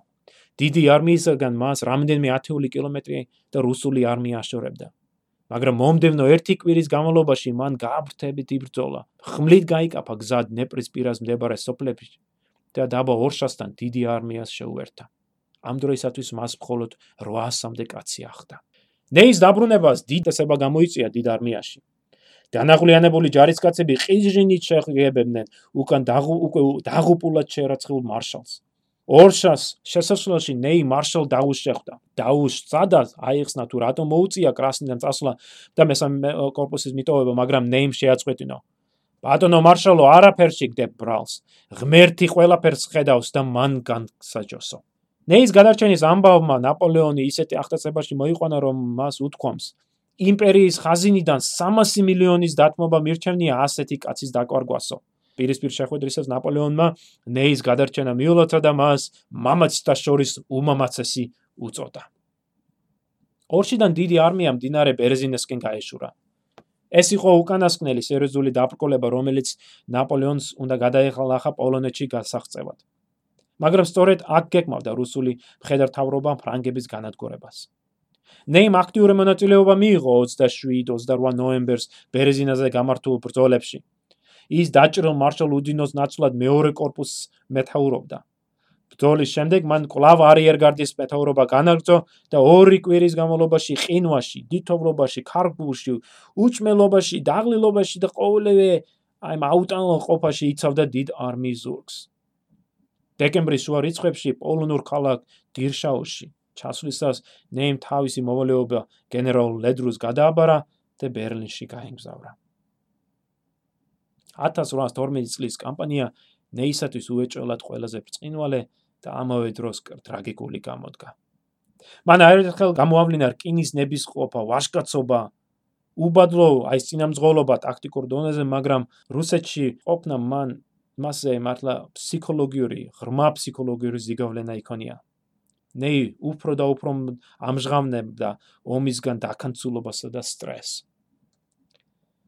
რუსეთიდან დაბრუნებული ნეი გერმანიასა და პოლონეთში ფრანგული ძალების მობილიზაციით იყო დაკავებული. 1813 წლის 17 თებერვალს ნაპოლეონმა იგი რაინის პირველი საობსერვაციო корпуსის უფროსად დანიშნა, რომელიც შემდგომში დიდი არმიის მესამე корпуსად გადაკეთდა. აპრილში საბრძოლო მოქმედებები, რომელიც ეგრეთ წოდებული მეექვსე კოალიციის ომის ომის სახელით შევიდნენ ისტორიაში, განახლდა. და ნეიმაც მონაწილეობა მიიღო ვენსეფელთან, ლუცენსა და ბაუცენთან ბრძოლებში. სხვა შორის აი სწორედ ბაუცენთან ბრძოლის დროს ნეიმა კვლავ დაუშვა მნიშვნელოვანი შეცდომა, რის შედეგადაც ნაპოლეონის აა ძალიან კარგად ჩაფიქრებულმა გეგმამ, ხო, აი გაენადგურებინა რუსული და პრუსიული ჯარი, აა ჩავარდა ბრძოლის დროს ნეის უნდა წამოეწყო საფლანკო შეტევა და შემოევლო მოკავშირეების ჯარისათვის უკნიდან და მათ უკან დახევის გზა გადაეჭრა, მაგრამ ამის ნაცვლად ნაიმას სხვა შორის აი დაკარგავს სტრატეგიული ხო ეს ხედვა და იმის ნაცვლად რომ საფლანკო მარში წამოეწყო ეტაკა ზუსტად მოკავშირეების ფლანგს და პატარა სოფელ პრეიტიცის დაკავება შეეცადა რის შედეგადაც მან გაფლანგა დროც და თავის ჯარისკაცებს და მოკავშირეებს უკან დახევის საშუალება მისცა. ნაპოლეონის მიერ მოპოვებულმა გამარჯვებებმა მოკავშირეები აიძულა დროებითი ზავი მოეთხოვათ, რადგან იმპერატორი დათანხმდა. დაზავებამ აგვისტომდე გასტანა. ეს დრო ნაპოლეონისათვის ადეძესტი რო გამოდგა, რადგან მოლაპარაკებისას მოკავშირეებმა ავსტრიისა და შვედეთის თავის ხარეზე გადმობირება შეძლეს და დასავლების დასრულების შემდეგ ნაპოლეონი უკვე გაათმაკებულ, ხო ეს გაათკაცებულ კოალიციას დაუპირისპირდა. 25 აგვისტოს, როდესაც დაზავება დასრულდა, ნაპოლეონმა ნეის ბერლინის ასაღებად გამზადებულ არმიას ჩაუყენა სათავეში. გამგზავრებამდე ნეი მონაწილეობა მიიღო დრეზდენთან ბრძოლაში 25-26-27 აგვისტოში, სადაც იგი ფრანკთა მარცხენა ფლანგს მეთაურობდა. 4 სექტემბერს ის ახალ არმიას ჩაუდგა სათავეს და სათავეში და ბერლინიც კი გაელაშქრა. სწორედ ამ დროს გამოვლინდა ნეის ნაკლი. სამხედრო საქმის ყმერისად არწოდა. ქალაქ დენევიცთან მან სუსტი პოზიციები შეარჩია, შეიმუშავა მეტად სუსტი საბრძოლო გეგმა, რომლის მიხედვითაც მისი შენაერთები ცალ-ცალკე შეებნენ ბრძოლაში და სასტიკად დამარცხნენ თავის ყოფილ თანამებრძოლთან, სხვა შორის მარშალ ბერნადოტთან ბრძოლისას. ბერნადოტი ხომ მოკავშირეების მხარეზე გადავიდა. ეს იყო ნეის პირველი ბძიმე დამარცხება, რამაც დიდი მორალური ზეგალენა იქონია მასზე და ჯარზე. ნაპოლეონის ახალ ბრძანებას შეეტია ბერლინისათვის ნეიმ თავის ცხოვრებაში პირველად უპასუხო რომ მას არ შეეძლო თავის მეომრებზე დაღრდნობა. წერილში უწერია: ჩემს ჯარისკაცებს შორის ისეთი სასორ წაკვეთა სუფევს, რომ მორიგი ბრძოლის შემთხვევაში ჩვენ მხოლოდ წაგებას უნდა ველოდოთ. სექტემბრის მიწურულს არც ნაპოლეონს მისდიოდა კარგად საქმე.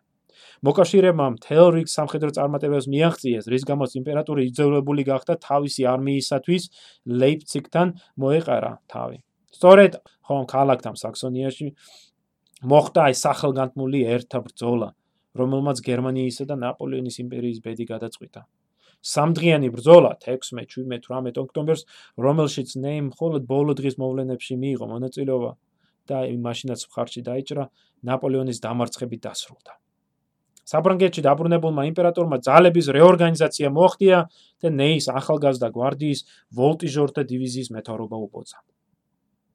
ახალი წლის პირველი 3 თვე ნეიმ განუწყვეტლივ საომარ მოქმედებებში გაატარა და აი მარტლაც აი 1814 წლის გაზაფხულის კამპანიაში მას ბადალი არ მოეპოვება.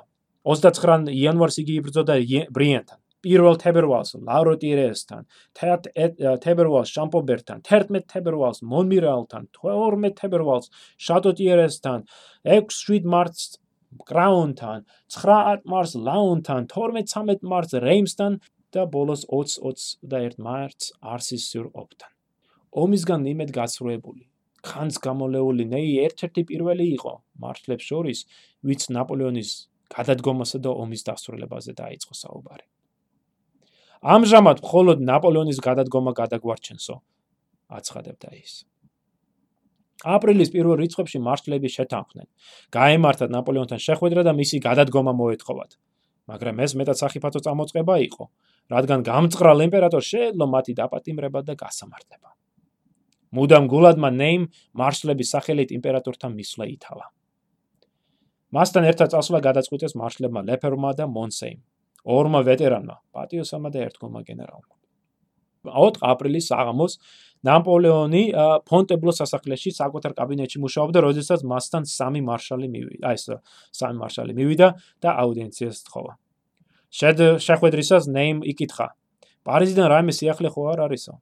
რადგან ხმები გავრცელდა, რომ მოკავშირეები პარიზს უახლოვდებიანო და სენატი იმპერატორის გადაყენების საკითხს იხილავენ.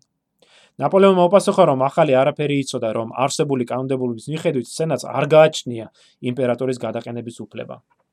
რაც შეეხება მოკავშირეებს, მე მათ პარიზთან გავანადგურებო, დაამატა ნაპოლეონმა.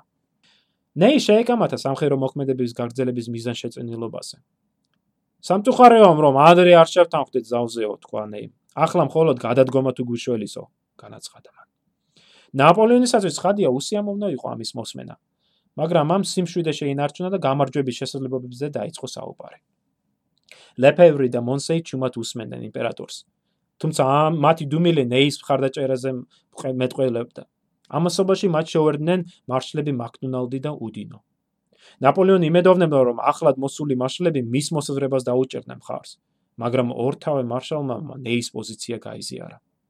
ნაპოლეონმა კვლავ სცადა დაერწმუნებინა მარშლები, მაგრამ რა კი დაინახა მათი ურყეობა საბოლოოდ განაცხადა რომ მარშლების დახმარების დახმარების მიუხედავად იგი მაინც შეუტევდა პარიზს ნეიმ დაუყოვნებლივ უპასუხა.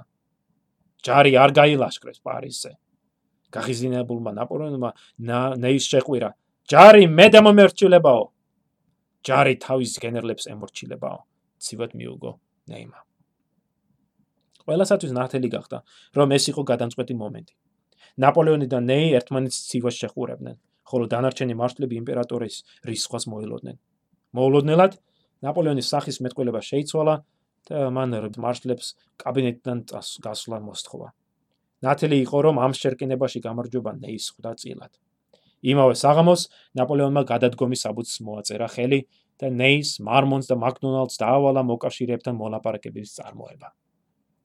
5 აპრილს გარიჟრაჟზე ნეი და მაკდონალდი რუსეთის იმპერატორის ალექსანდრეს იმპერატორს ალექსანდრეს შეხვდნენ, რომ ნაპოლეონის გადადგომის საკითხი განეხილათ. ალექსანდრე რუსეთის იმპერატორი ალექსანდრე ნეისანმე დიდი სიმპათიით იყო განწყობილი. მარშლები იმედოვნებდნენ, რომ ნეი შეძლებდა რუსი ხელმწიფის დაყოლიებას. ნაპოლეონის შვილის ტახტზე მემკვიდრედ მაინც ეღიერებინა. შეხვედრა წარმატებით დასრულდა და ალექსანდრე დააჰპირდა ნეის, რომ ხარს დაუჭერდა ნაპოლეონის შვილის გამეფებას. მაგრამ იმ ღამით მარშალი მარმონი თავისი корпуსით მოკავშირეების მხარეს გადავიდა და მეის მცდელობა უშედეგო გამოდგა. იმპერატორ ალექსანდრესთან მეორე შეხვედრის დროს რუსმა ხელმწიფემ მტკიცედ განაცხადა, რომ ნაპოლეონი უპირობოდ უნდა გადამდგარიყო და რომ საფრანგეთის ხელისუფლების მომავალს მოკავშირეები გადაწყვეტდნენ. მომდენო დღეს ნეისა და სხვა მარშლების მხრიდან ზეტოლის შედეგად ნაპოლეონი გადათანხმდა ტახტიდან უპირობო გადადგომას. ბურბონთა პირველი რესტავრაციის დროს ნეიმ ხარი დაუჭირა მეფე ლუდოვიკო მე-18-ს, რომელმაც თავის ხმერ აღიარა ნეის ყველა წოდება და ტიტული. 8 მაისს ის მეფის სამხედრო საბჭოს წევრი გახდა. 20 მაისს დაინიშნა სამეფო კირასირთა, დრაგუნთა, ცხენოსან ეგერთა და ულანთა მეთაურად, ხოლო 21 მაისს ნეი მე-6 სამხედრო დივიზიონის, ეს სამხედრო ოლქის უფროსი გახდა. 1 ივნის მეფემ მას წმინდა ლუდოვიკოს ორდენი უბოძა, ხოლო 4 ივნის საფრანგეთის პერად დანიშნა. ამრიგად ბურბონთა სამეფო კართან ნეის კარგი მომავალი ესახებოდა. მაგრამ მეფის მხრიდან პატივი ერთი იყო და ახლა დაბრუნებული იმიგრანტი თავდაზნაურობის მხრიდან დაცინვა და აბუჩა დაგდება სხვა. ეს ახლა დაბრუნებული პრინციპი, პრინცები, ჰერცოგები თუ მარკიზები მხოლოდ საკუთარ თავს მიიჩნევდნენ ამდვილ ელიტის წევრებად, ხოლო ნაპოლეონის მიერ შექმნილ წოდებებს და ტიტულებს არაფრად აგდებდნენ. ამავე დროს უკანასკნელი 2010 წლის განმავლობაში ბევრი მათგანი ხომ საფრანგეთის წინააღმდეგ იბრძოდა და ზოგიერთ ნეის ბრძოლის ველზეც შეხვედრილა. ამიტომ მათი მხრიდან მარშალი და დამცირებულად გრძნობდა თავს. გენერალ ლავალეთან საუბრესას ნეიჩიო და რა კარგია რომ სამეფო კარს მოშორდი და ამ დამცირებას და უსამართლობას მოერიდე. ამ ხალხმა არაფერი იცის. მათ არ ესმით, რას ნიშნავს ნეის სახელი. იქნებ საჭიროა შევახსენოთ მათ. ამ განწყობით გაატარა გაშუა ნეიმა შემოდგომა და ზამთარი. 1815 წლის მარტს მან მოულოდნელი წერილი მიიღო. 6 მარტს დრო დავაზუსტეთ. მარშალი სულტი, რომელიც ამჟამად მეფის სამხედრო მინისტრად მუშაობდა, მას დაუყოვნებლივ პარიზში იბარებდა. მეორე დღეს ნეი სულთანს შესახვედრად მიდიოდა, როდესაც თავის ნაცნობ ადვოკატს შეხვდა და გამოუგნებელი სიახლე შეიტყო. ნაპოლეონი ელბიდან გაქცეულიყო და საფრანგეთში დაბრუნებულიყო. ნეი დაუყოვნებლივ მივიდა სულთან და მეფესთან შეხვედრა მოითხოვა. იმავე საღამოს იგი შეხვდა მეფეს და თავისი ერთგულება შეფიცა და პირობა მისცა, რომ თიუმას დაევალებოდა ეს ნაპოლეონს ეს ციტატა არის რკინის გალიაში ჩასმულს ჩამოიყვანდა პარიზში. მართლაც ნეის დაევალა ხო ნაპოლეონის შეჩერება და დატყვევება. 10 მარტს ნეი უკვე ბეზანსონში ჩავიდა და ჩასვლისთანავე მან აღმოაჩინა რომ ადგილობრივი შენაერთები ნამდვილად არ იყვნენ კეთილგანწყობილები მეფისადმი და ნაპოლეონისადკენ იხრებოდნენ. ამასობაში ნაპოლეონი განაგრძობდა თავის ტრიუმფალურ ცვლილებას და უკვე გრენობლიდან ლიონისაკენ მიიჩქაროდა. 11 მარტს ნეიმ სასტროფოდ შეკრიბა მის ხელთ არსებული შენაერთები და დაბა ლონსლე სონიერთან განალაგა, რომ ნაპოლეონს შეეგებებოდა. სონიერში ჩასულ ნეის მხოლოდ უარესი ახალი ამბავი დახვდა. ნაპოლეონმა დაიკავა ლიონი, სადაც ადგილობრივი მოსახლეობა დიდი სიხარულით შეხვდა მას. ამრიგად ნეი მოხდა ისეთ პირობაში, როდესაც ერთის ხრივ ადგილმოსახლე ადგილობრივ მოსახლეობას და შენაერთებს ძულდა ბურბონთა ხელისუფლება და მის ბრძანებას, ხომ, დაეცვათ ეს ხელისუფლება, შეიძლება მართლაც არეულობა და ამბოხება მოჰყოლოდა. ისიც უნდა ვთქვათ, რომ ხო, როგორც აღნიშნე, თვითონ ნეისაც არ მოსწონდა ბურბონთა ხელისუფლება, ვიდანიდან მას მიეჩნდა, რომ სათანადო არ სცემდნენ პატივს და აი მას მის დაბიო წარმოშობას ახსენებდნენ. მეორე მხრივ არ იყო დარწმუნებული ნეი თუ როგორ მიიღებდა ნაპოლეონი მას. მან ნაპოლეონს უღალატა, ხო, გარკვეულწილად, ხო, აი გადადგომა აიძულა. ამასობაში მოსახლეობა და ეს ჯარი ნაპოლეონის მიმართ კერძით განწყობილი იყო, იმპერატორის ხარდაჭერთა რიცხვი მართლაც იზრდებოდა და აი რამოდენიმე დღის განმავლობაში ნეი ყოყმანობს, არ იცის რა გააკეთოს, დაიცვას ეს არაპოპულარული ხო ბურბონთა ხელისუფლება თუ ნაპოლეონს მიემხროს და იმედოვნოს რომ ნაპოლეონი აპატიებდა რამე. სწორედ ამ დროს, როცა ის ყოყმანობდა, მან მიიღო მოკლე ცნობა ნაპოლეონისაგან, და აი მოკლე ცნობა არის, წაგიკითხავთ. მთელი წერილი იყო შემდეგი ნეის ნაპოლეონ წერს ნეის შემომიერთი შალონში. მე შენ მიგიღებ ისე, როგორც მოსკოვ მოსკოვთან, ანუ ბოროდინას ბრძოლის შემდგომო. და ეს ეს წერილი მართლა გადამწყვეტი აღმოჩნდა, იმიტომ რომ ნეის გაახსენდა თუ რა ურთიერთობა მაინც აკავშირებდა ნაპოლეონს მას მას და ნაპოლეონს თუ როგორ განადიდა ხო ნაპოლეონმა ის თუ და რამხელა მაინც წვლილი მიუძღოდა თვითონ ნეის ნაპოლეონის წარმატებაში და ამიტომ მომდენო დღეს ნეიმა შეკრიბა თავისი მეომრები ჯარისკაცები და სიტყვით მიმართა მათ. ოფიცრებო და ჯარისკაცნო. ბურბონთა საქმე სამუდამოდ წასულიაო. ამის გამგონე ჯარისკაცებმა ჭექარე იმპერატორს გაუმარჯოს. L'empereur! ხო შეყვირეს ნეიმა განაგრძო. კანონიერი დინასტია რომელიც ფრანგულმა ერმა აირჩია კვლავ უბრუნდება თავის ტახტს. სწორედ იმპერატორ ნაპოლეონს ეკუთვნის ჩვენი ლამაზი ქვეყნის მართვად. ჯარისკაცნო, შირად მიმიყვანიხარ გამარჯვებასთან. ამჯერადაც მიგიყვანთ იმ უკვდავ ფალანგების რიგებში, რომელთაც ჩვენი იმპერატორი პარიზისკენ მიუძღვებაო. და ამ ნეის ამ განცხადებას ხუხარეოვა ციები შეძახილები მოყვა ჯარისკაცები რიგებიდან გამოვარდნენ ნეის ჩაეხუტნენ და სწორედ იმპერატორის სახელს და ნეის სახელს გახვიროდნენ მაგრამ აი ამ ზოგად ეიფორიაში ზოგიერთმა ისიც შენიშნა რომ აი გულადი მარშალი ნეი მეტად აღელვებნელი და ცოტა არ იყოს დაბნეული ჩანდა. რომ აი საუბრისასო ზოგიერთი მოწმე აღნიშნავს საუბრის ის შეშლილივით იქცეოდაო. და ხოლო აი როდესაც ჯარისკაცები მას შემოევლენ ისინი ის ყველას ეხუტებოდა და თითქოს საკუთარი თავის დაიწყება სურდაო. 18 მარტს ნეი ოსერში ჩავიდა და ნაპოლეონს ეახლა შეხვედრამდე ნეიმა ტელეგრამი გაათენა ვრცელი წერის წერაში რომელშიც თავის საქციელის ახსნას და ნაპოლეონისათვის ჭკუის დარიგებას ცდილობდა ნაპოლეონმა პირველ გვერდს გადაავლო თვალი და დანარჩენს დანარჩენი კი წაუკითხავად დახია. ნეი გაგიჟდაო, უთქვამს მას. მოგვიანებით მან მარშალთან მოკლე შეხვედრა გამართვა, რომლის დროს არც ერთს არ უცდია წარსულის გახსენება.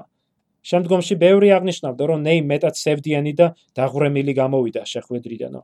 თვით ნეიმ კი თავის სასამართლოზე შემდგომში განაცხადა, რომ სონიერში ჩემი განცხადების შემდეგ მხოლოდ სიკვდილი მსურდა. არაერთხელ მიფიქრია თვით მკვლელობაზეო. ნაპოლეონთან შეხვედრის შემდეგ ნეი მიხვდა რომ მან საბედისწერო შეცდომა დაუშვა. ნაპოლეონი მას არ ენდობოდა. არ აპატიებდა იმ სწორედ იმ გასული ხო 1814 წლის აპრილის მოვლენას, როდესაც ნეიმა ის აიძულა გადადგმულიყო. აი მიხვდა ნეი რომ ნაპოლეონი მას ბოლომდე არ ენდობოდა. ადამიანს რომელმაც ასე ადვილად გაცვალა ორი ხელისუფლება ერთი წლის განმავლობაში. და ამავე დროს ისე მასაც მიხვდა რომ ბურბონები აღარასოდეს აპატიებდნენ იმ ადამიანს რომელიც მათ აი ნაპოლეონის რკინით რკინის გალიაში გამოწხრეულ ჩამოყვანას დაპირდა და შემდეგ ჯარი თურთ მის მხარეზე გადავიდა ნეის სევდიანი განწყობა კიდევ უფრო გაუერესდა მას შემდეგ რაც პარიზში ჩალსისტანავე გაიგო რომ მარშული დავუ ნაპოლეონის ახალი სამხედრო მინისტრი გახდა ხოლო მას ნეის დაევალა ჩრდილო და აღმოსავლეთ დეპარტამენტების დათვალიერება და შემოწმება ცალსახად მეორე ხარისხოვანი მისია, რომელიც მას პოლიტიკურ და სამხედრო მოვლენების ეპიცენტრისგან აშორებდა. თითქმის ერთი თვის განმავლობაში ნეი მოგზაურობდა საფრანგეთის დეპარტამენტებში, ამოწმებდა ადგილობრივ შეიარაღებასა და სამსადის. ეგრეთ წოდებული მეშვიდე კოალიციის ომის დაწყებისას ნაპოლეონმა მას ბელგიის არმიის პირველი და მეორე корпуსების ასე არმიის მთელი მარცხენა ფლანგის მეთაურობა უბოცა. მიუხედავად იმისა, რომ აი ზოგიერთი გენერალი მართლაც დაჟინებით ურჩევდა მას, რომ ნეი არ დაესაქმებინათ მოქმედ არმიაში, მაგრამ ნაპოლეონმა მაინც წაიყვანა და აი 16 ივნის ნაპოლეონი ბელგიაში შეიჭრა. და პრუსიული და ბრიტონული ჯარების განცალკევების მიზნით ქალაქი შარლეროა დაიკავა. იმპერატორს ჯერ პრუსიული ჯარის დამარცხება და შემდეგ ბრიტანული ჯარის უკუგდება ჰქონდა განსრახული. 16 ივნისს ქალაქ ლინისთან ნაპოლეონმა იერეში მიიტანა პრუსიელებზე, ხოლო ნეი დაბა კარტბრაში სტრატეგიულად მნიშვნელოვანი გზაჯვარედინის ხელში ჩაგდება დაავალა. კარტბრაში ჩასულ მარშალს გზაჯვარედინი უკვე ბრიტანელების მიერ დაკავებული დახვდა. ბრიტანელ გენერალ ველინგტონს თავისი ჯარის მხოლოდ მოწინავე ელემენტები ჰყავდა განლაგებული, მაგრამ ნეიმ არასწორად შეაფასა ვითარება და ძლიერი იერიშის ნაცვლად ფრთხილად მოქმედება ამჯობინა. ამავე დროს მისმა გადაწყვეტილებამ მოეხმო გენერალ გერლონის დივიზია ნიშნავანი როლი იქონია ლინისთან ძირითად ბრძოლის მსვლელობაზე. გერლონის დივიზიის დროული გამოჩენა უსათუოდ გამოიწვევდა პრუსიული ჯარის კატასტროფულ დამარცხებას ლინისთან. მაგრამ აი ნეის გამოძახების შედეგად დერლონმა ის დღე, აი ეს 16 ივნისი გაატარა ორ ბრძოლას შორის და ვერც ერთში ვერ მიიღო მონაწილეობა. ლინისთან გამარჯვების შემდეგ ნაპოლეონი ბრიტანულ არმიას დაედევნა, როგორც ცნობილია და 18 ივნისს სოფელ ბერლალიანსთან გადამწყვეტი ბრძოლა გამართა. უბრალოდ ხო ცნობილია ვატერლოოს სახელით, ვინაიდან ბრიტანული შტაბი იყო ვატერლოში განლაგებული. ბრძოლის დროს ნეიმა კლავ არასწორად განმარტა ველინგტონის პოზიციები. ველინგტონის ჯარის განლაგება ვერ გაიგო და აი ბრიტანული არმიის ცენტრის კავალერიით გარღვევა განიზრახა. სწორედ ნეის ბრძანებით ნაპოლეონის სხვა შორის განრისხებული იყო ამით, მაგრამ ვერ შეძლო დროზე მისი აღკვეთა. ნეის ბრძანებით დაახლოებით 10000-მდე მხედარი თაესხა თავს ო კარეებად განლაგებულ ბრიტანულ ქვეი ჯარს და დიდი დანაკარგები განიცადა. თვითონ მარშალი შეშლივით იბრძოდა, რამდენიმე ცხენიც კი მოუკლეს. ზოგიერთი ოფიცრის მოგონებით ნეი გადარეულ ადამიანს გავდაო და ერთ-ერთი შეტევის დროს იგი ცხენიდან გადმოხდა და ბრიტანულ ზარბაზანს ხმლით ჩეხვა დაუწყო. შუა დღის 5 საათისათვის კი ბრძოლის ველზე პრუსიელები გამოჩნდნენ და აი ბრძოლაში გადამწყვეტი მომენტი წდადგა. 2 საათიანი ბრძოლის შემდეგ ფრანგული არმია განადგურების პირას იყო და მხოლოდ ცალკეული შენაერთები აგრძელებდნენ მედგარ ბრძოლას. ერთ-ერთი ოფიცრის მოგონებით მარშალი ნეიმ თავარ გზაზე იდგა გატეხილი ხმლით ხელში, გაშავებული გარუჯული სახით, ჩამოხეული ცალი ეპოლეტით და რამდენიმე ადგილას გახეული ნატყვი არის უბრალოდ ქურთუკით. იგი გაქცეულ ფრანგ მეომრებს შემოbrunებას და მოახლოებული დამარცხების როგორმე თავიდან აცილებას ცდილობდა. თვით მასკი ეთყობა სიკვდილის წყუროდა. ერთ-ერთი შეტევის დროს იგი ხმამაღლა გახვიროდით. მოდით, მოდით და ნახეთ, როგორ ხვდება საფრანგეთის მარშალიო. მაგრამ ნეის იმ დღეს სიკვდილი არ ეწერა. ნაპოლეონის ხელმეორე ტახტიდან გადადგომის შემდეგ ნეიმ უარი განაცხადა საფრანგეთის დატოვებაზე, თუმცა აშკარა იყო, რომ ბურბონები მას არ აპატიებდნენ ღალატს და მკაცრად დასჭიდნენ. 1815 წლის ივლისში ის მიმავლმაში წავიდა და სხვა სხვა დაბაში იმალებოდა ახლობლების შატოებში და სწორედ ერთ-ერთი ასეთი შატოს შატოს ყოფნის დროს მან სხვა შორის დაავიწყდა თავისი აი ეს ნაპოლეონისგან აჩუქარი ხმლის დამალვა. აი ეს ოსმალო ფაშას ხმალი რო ქონდა ნაჩუქარი ნაპოლეონის ხო? და ამ შატოში ისვენებდა ხო იმალებოდა და ეს ხმალი დარჩა ერთ-ერთ ოთახში. და ამ დროს ამ ოჯახში მოსული იყო ერთ-ერთი ფრანგი ადგილობრივი ფრანგი თავადაზნაური და დაეშენიშნა ეს დაშნა ეს ხმალი და დაუყოვნებლივ აცნობა პოლიციას რომ ეს რომ ნეი იქ იმყოფებოდა და რის შედეგადაც სწორედ ნეი დააპატიმრეს. ახალმა ხელისუფლებამ მას ბრალის სამშობლოს ღალატში დასდო.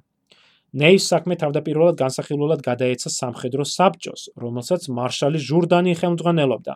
მაგრამ ჟურდანმა და მისმა თანამოაზრებმა არ ისურვეს ყოფილი თანამებრძოლის სიზღლის დაღვრა და განაჩენის გამოტანეს თავი აარიდეს იმ მიზეზით, რომ საბჭოს არ ქონდა ასეთი საქმების განხილვის კომპეტენცია. შემდგომ ნეის საქმე პერტა პალატას გადაეცა. ადვოკატებმა სად ეს საქმეს დახურვა იმის საფუძველზე, რომ ომის შემდეგ ნეის შობლიური ქალაქი საარლუი საფრანგეთს ჩამოშორდა და ნეი არ იყო საფრანგეთის მოქალაქეო. მაგრამ ნეიმა და ესე პირადად უარყო ასეთი შეთავაზება და განრისხებმა განაცხადა: მე მუდამ ფრანგი ვიყავი და ფრანგად მოკვდებიო. სამთვიანი მომზადების შემდეგ 4 დეკემბერს პერტა პალატამ დაიწყო საქმის განხილვა და მარშალს ორ დღეში სასიკვდილო განაჩენი გამოუტანა. 7 დეკემბერს მარშალ ნეი ლუქსემბურგის ბაღში გაიყვანეს და სასიკვდილო განაჩენი წაუკითხეს. მეფის ოფიცრებმა განაჩენის წკითხვა ნეის ოფიციალური წოდებების ჩამოთვლით დაიწყეს. რის საპასუხოდაც ნეიმ შენიშნა: "რა საჭიროა ამდენი საუბარი?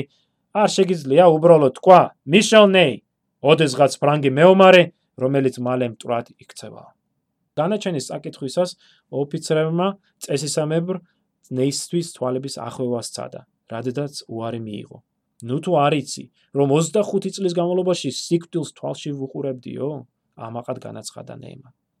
შემდეგ ნეიმ მიუბრუნდა ჯარისკაცებს და ცეცხლის ბრძანება გასცა. ჯარისკაცებო, როდესაც გიბრძანებთ, დამიმისნეთ და პირდაპირ გულში მესრულეთ. მაგრამ დაელოდეთ ჩემ ბრძანებას. იგი ჩემი უკანასკნელი ბრძანება იქნება. მე ვგმობ ამ განაჩენს. ასე მეტ ბრძოლაში ვიბრძოლე, მაგრამ არც ერთი მათგანი არ ყოფილა ჩემი სამშობლოს წინამდე მიმართული.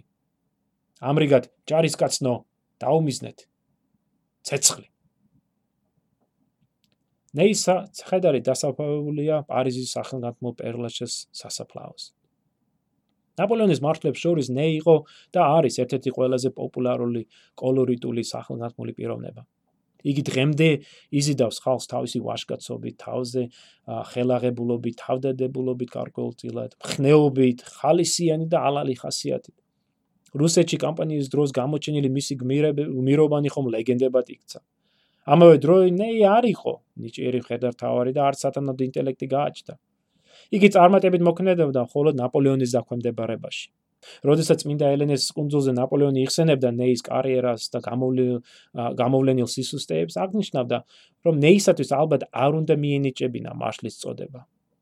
მისთვის განსაკუთრებით მიუღებელი იყო ნეის საქციელი 1814-15 წლებში. ნაპოლეონი აღნიშნავდა, არავინ უნდა უღალატოს თავის სიტყვას. მე მძულს მოღალატეები.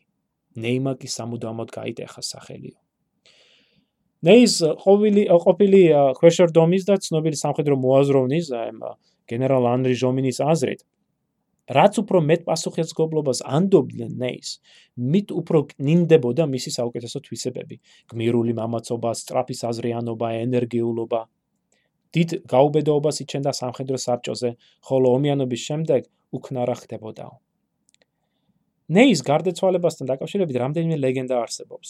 ყველაზე პოპულარული გადმოცემის მიხედვით ის მასონური ლოჟის წევრი იყო და მოძმე მასონების მეშვეობით, რომელთა შორის ველინგტონიც იყო, ყალბი დახვრეტა მოაწყვესო და სინამდვილეში ის ამერიკაში გაიქცა, სადაც გამოჩნდა ვინმე პიტერ სტიუარტ ნეი, რომელიც ჩრდილო და სამხრეთ კაროლინა შტატებში ასწავლიდა სკოლებში და 1856 წლის ნოემბერში გარდაიცვალა. პიტერ სტიუარტი მეტად საინტერესო პიროვნება იყო. იგი რამდენიმე ენას ფლობდა და ბრწყინვალედ ფარიკაობდა. მან ზედმიწევნით იცოდა ნაპოლეონის ცხოვრება, ხასიათი. ხშირად თითქოს და ესე დეტალურად აღწერდა ნაპოლეონის რომელიმე კამპანიას, ნაპოლეონის ომების შესახებ გამოცემული ციგნის ფურცლების არშიებზე უამრავ შენიშვნებსა და შესწორებებს აკეთებდა. მართალია იგი თავის თავზე საუბარს მუდამ თავს არიდებდა, მაგრამ როდესაც დათვრებოდა, თამამად აცხადებდა: "მე მიშელ ნეივარო."